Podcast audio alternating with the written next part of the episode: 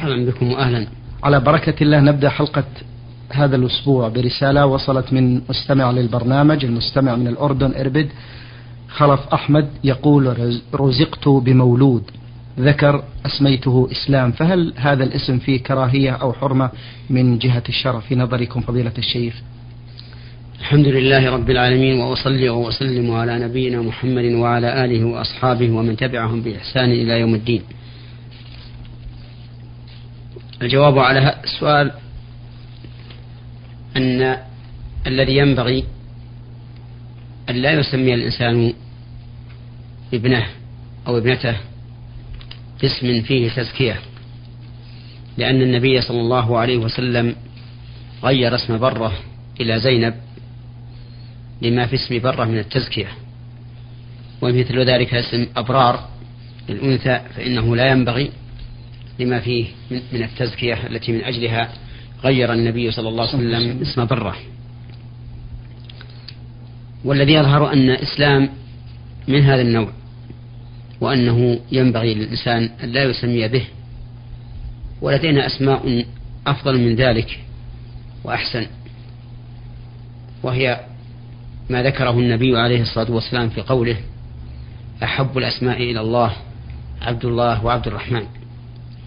فإذا اختار الإنسان لأبنائه اسما من هذه الأسماء كان أحسن وأولى لما فيها من التعبيد لله عز وجل ولا سيما التعبيد لله أو للرحمن.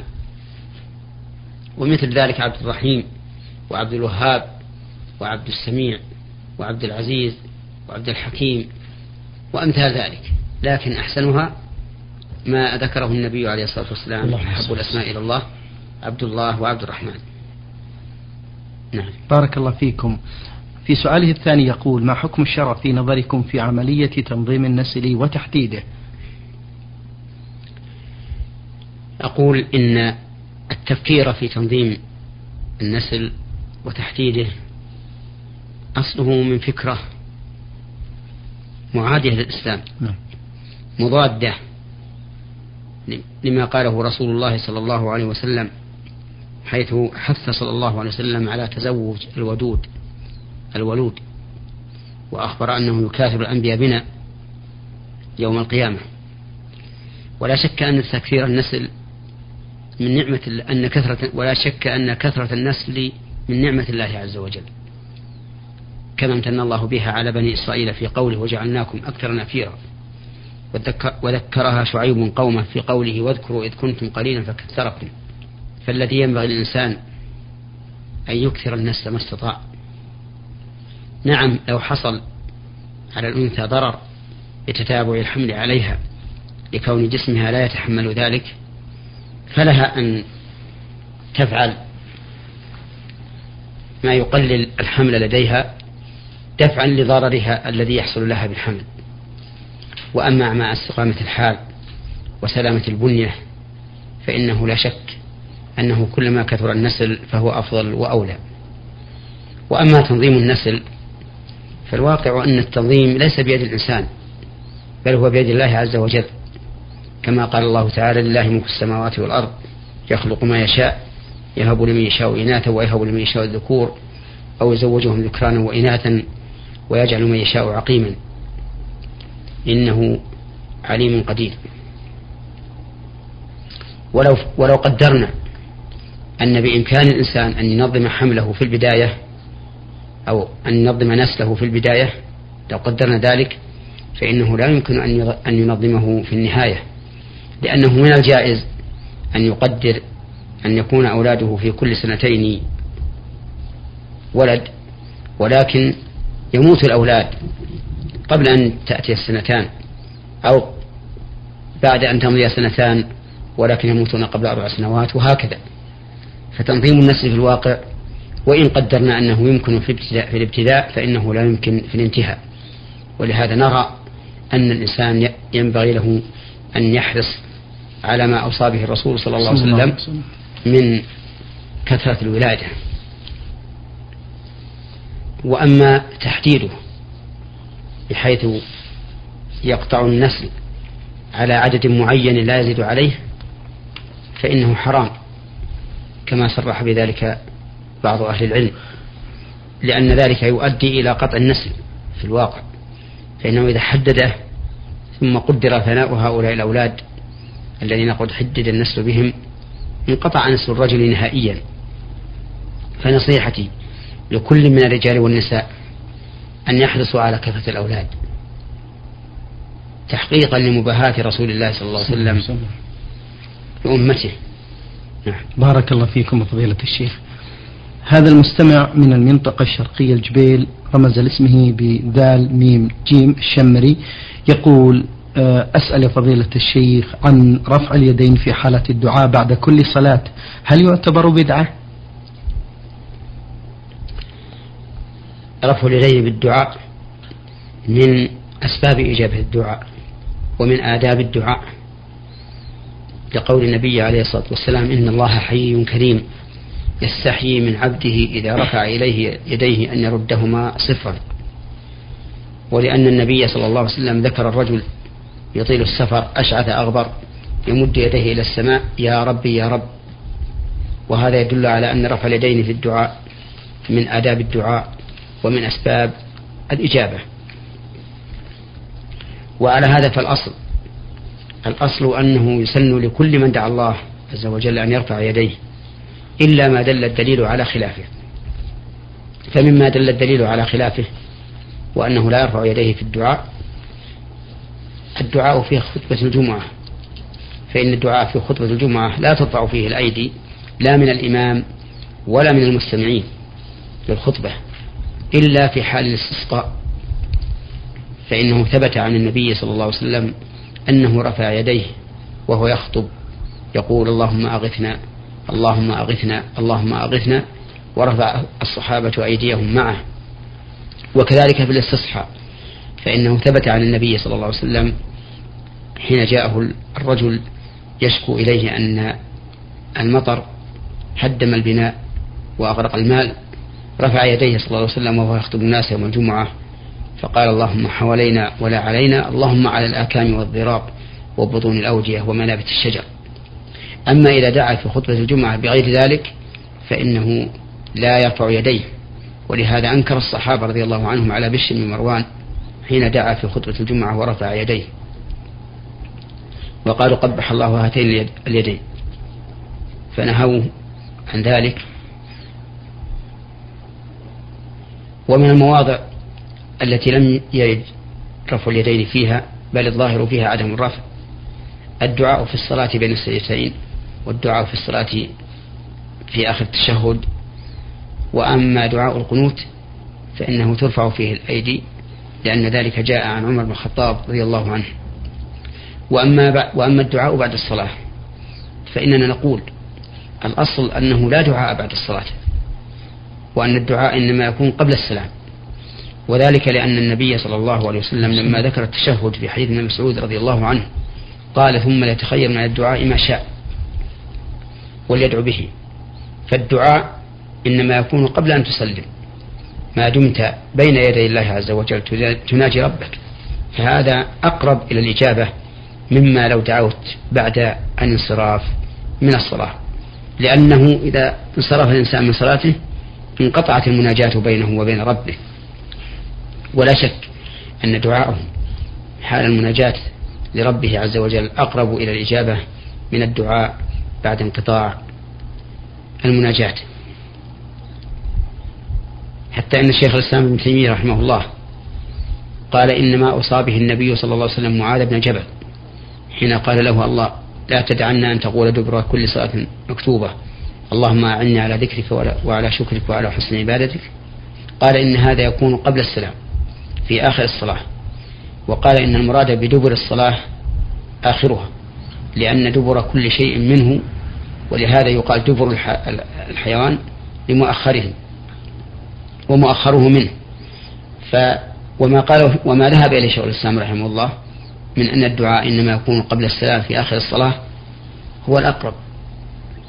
وبناء على ذلك نقول ما قيد دبر الصلاة أو ما ما قيد بدبر الصلاة فإن كان ذكرا فمحله بعد الصلاة وإن كان دعاء فمحله قبل السلام. فيكون حديث معاذ بن جبل رضي الله عنه قبل السلام في آخر الصلاة لأنه دعاء. ويكون التسبيح والتحميد والتكبير المقيد بدبر الصلاة يكون بعد السلام. لأنه ذكر. وقد قال الله تعالى فإذا قضيتم الصلاة فاذكروا الله قياما وقعودا وعلى جنوبكم. فمحل الذكر بعد السلام. فإذا ورد ذكر مقيد بدبر الصلاة فإنه يكون بعد السلام. ومحل الدعاء قبل السلام في آخر التشهد لحديث ابن عباس الذي ذكرناه آنفا. فيكون ما قيد بدبر الصلاة من الدعاء قبل السلام. أما ما يعتاده بعض الناس من كونهم إذا سلموا من الصلاة الفريضة أو النافلة رفعوا أيديهم بصفة مستمرة فهذا بلا شك ليس من السنة عن رسول الله صلى الله عليه وسلم واتخاذه قربة يتقرب به الإنسان إلى ربه ويجعل هذا المكان موضعا له على سبيل التقييد لا شك أنه بدعة وأنه ينبغي للإنسان أن يتجنبه. لكن لو دعا أحيانا ورفع يديه بعد النافلة أو بعد الفريضة فأرجو أن لا يكون في ذلك بأس لأنه يفرق بين الأمور الراتبة التي يجعلها الإنسان سنة يستمر فيها وبين الأمور العارضة. فالأمور العارضة قد يتسامح فيها بخلاف الأمور المستمرة الدائمة فلا بد من ثبوت أنها سنة. بارك. الله فيكم. فضيلة الشيخ المسلم دائما وابدا يتحرى أوقات آه، الإجابة في الدعاء فحبذا لو بينتموها للإخوة المستمعين. أوقات الإجابة وأحوال الإجابة وأمكنة الإجابة كل هذه ينبغي الإنسان أن يتحراها فمن أوقات الإجابة الثلث الأخير من الليل. لأنه ثبت عن النبي صلى الله عليه وسلم أنه قال ينزل ربنا إلى السماء الدنيا حين يبقى ثلث الليل الآخر فيقول من يدعوني فأستجيب له من يسألني فأعطيه من يستغفرني فأغفر له حتى يطلع الفجر. وكذلك الدعاء بين الأذان والإقامة فإن الدعاء بين الأذان والإقامة لا يرد. وأما الأحوال فمن الأحوال التي ترجى فيها الإجابة حال المضطر. فإن المضطر إذا دعا الله استجاب له لقول النبي عليه لقول الله تعالى أمن يجيب المضطر إذا دعاه ويكشف ويكشف السوء ويجعلكم خلفاء الأرض. ومن ذلك أيضا إذا كان مظلوما فإن المظلوم مستجاب الدعوة لقول النبي صلى الله عليه وسلم لمعاذ بن جبل حين بعثه إلى اليمن. إياك وكرام أموالهم. يعني أخذها في الزكاة.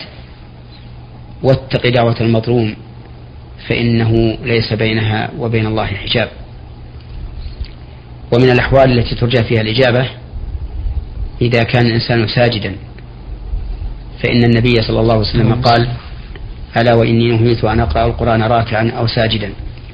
فأما الركوع فعظموا فيه الرب وأما السجود فأكثر فيه من الدعاء فقمن أو فقمن أن يستجاب لكم. وقال النبي صلى الله عليه وسلم أقرب ما يكون العبد من ربه وهو ساجد. وأما الأمكنة فإن المساجد ترجى فيها الإجابة أكثر مما ترجى في الأماكن الأخرى.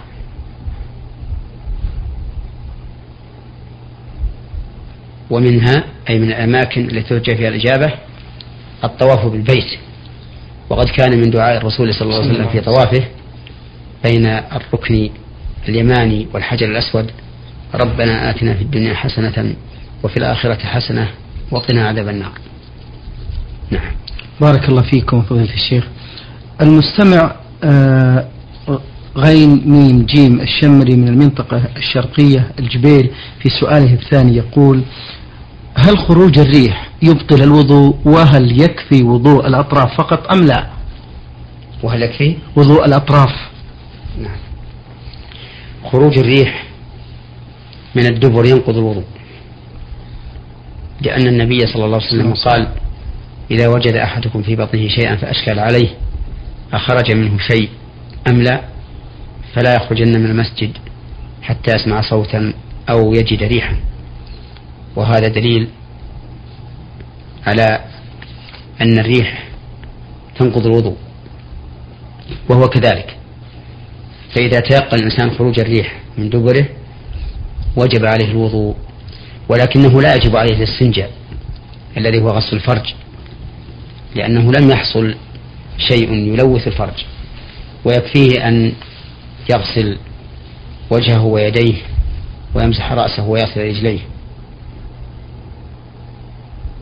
وبهذه المناسبة أود أن أبين بأن الاستنجاء لا علاقة له في الوضوء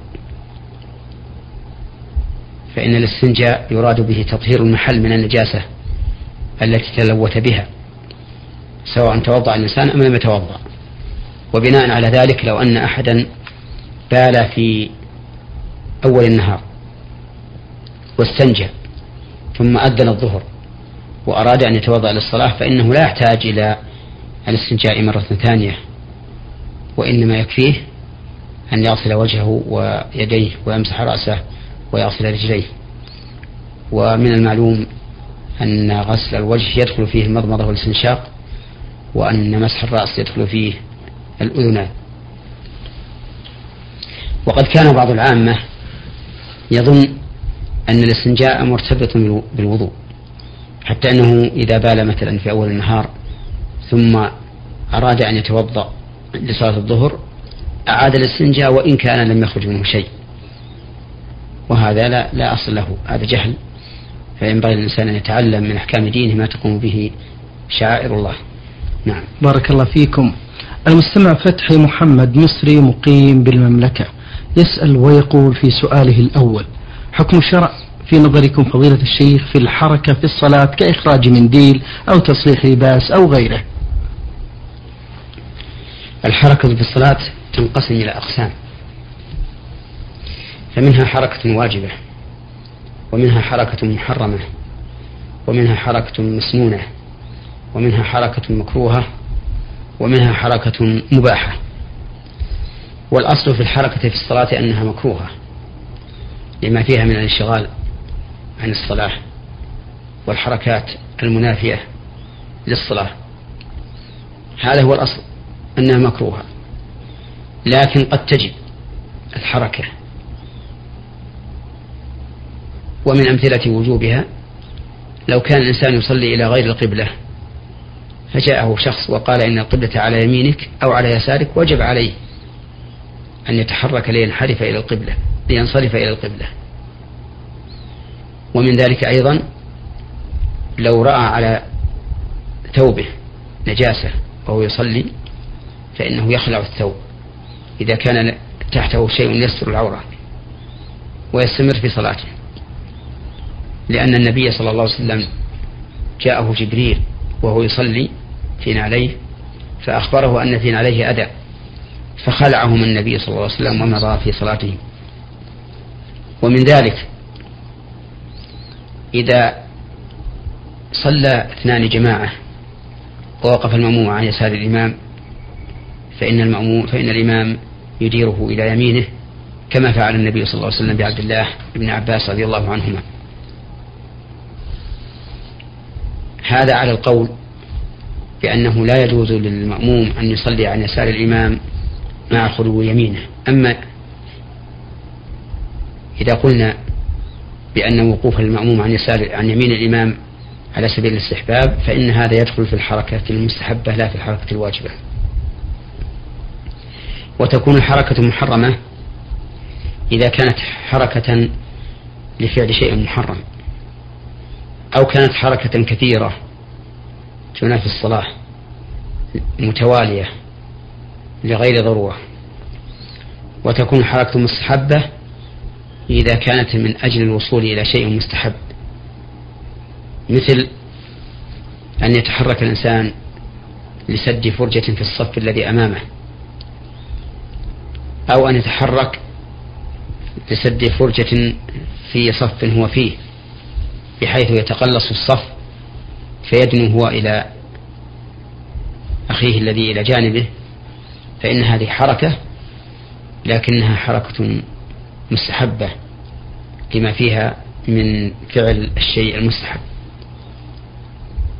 وتكون مكروهة وهي الأصل كما أسلفنا قبل قليل. ومنها ما يفعله بعض الناس الآن يعبث في غترته في قلمه في ساعته في طاقيته في عقاله في شيء ليس له به حاجة. فإن هذا مكروه. وإذا كثر وتوالى لغير ضرورة صار محرما مبطلا للصلاة. وأما المباح فهي الحركة اليسيرة إذا كانت لحاجة. كفعل النبي صلى الله عليه وسلم حين كان يحمل أمامة بنت زينب بنت رسول الله صلى الله عليه وسلم. فإن هذه الجارية كان النبي صلى الله عليه وسلم جدها لأمها وكان صلى الله عليه وسلم يحملها وهو يصلي بالناس جماعة. فكان إذا قام حملها وإذا سجد وضعها. فمثل هذا الفعل يعتبر مباحا لأنه لحاجة وليس بكثير نعم. بارك الله فيكم فضيلة الشيخ. المستمع آه، فتح محمد مصري يقول في سؤاله الثاني ما حكم رفع الأذان إذا كان المؤذن على غير وضوء؟ كلمة ما حكم رفع الأذان؟ كلمة رفع الأذان عبارة غريبة. طيب. لأن الأذان لا يرفع. الذي يرفع هو الصوت. طيب. إلا أن يقال إن هذا من باب التوسع في في الحذف. على كل حال العلماء رحمهم الله يعبرون عن مثل هذه الأمور بكلمة الأذان. فيقول مثل ما حكم الأذان والإنسان على غير وضوء؟ وجاءوا على ذلك أن أذان المؤذن وهو على غير وضوء صحيح. لكن الأفضل أن يكون على وضوء. لأن الأذان من ذكر الله وكل ذكر لله عز وجل فالأفضل أن يكون على طهارة. فإذا تطهر أذن. بل قال أهل العلم لو أذن وهو جنب فإن أذانه صحيح. لكن كرهه بعضهم وقالوا يكره أذان الجنب حتى يغتسل. نعم. بارك الله فيكم. في سؤاله الأخير يقول ما معنى قوله تعالى أعوذ بالله من الشيطان الرجيم فويل للمصلين الذين هم عن صلاتهم ساهون الذين هم يراءون ويمنعون الماعون. ويل هذه كلمة وعيد نعم. وتهديد. والمصلون الذين هم الذين هم عن صلاتهم ساهون هم الذين يصلون ولكن لا يبالون بصلاتهم يغفلون عنها فيؤخرونها عن وقتها. ولا يأتون بواجباتها وأركانها وشروطها فهم يصلون ولكنهم ساهون عن صلاتهم. لا يقيمونها على الوجه المطلوب منهم. وأما الذين يراؤون فهم الذين يراؤون الناس في عبادة الله يتعبدون لله أمام الناس ليراهم الناس فيمدحوهم على عبادتهم لله عز وجل. وأما الذين يمنعون المعون فهم الذين يمنعون الأواني وشبهها وشبهها مما يستعيره الناس في العادة والإنسان مستغن عنه فتجده لفقره آه، فتجده لبخله يمنع حتى إعارة الماعون فوصف الله هؤلاء بأنهم غافلون عن صلاتهم مراؤون في عباداتهم بخلاء في أموالهم. نعم. شكر الله لكم يا فضيلة الشيخ وعظم الله مثوبتكم على ما بينتم لنا وللإخوة المستمعين الكرام.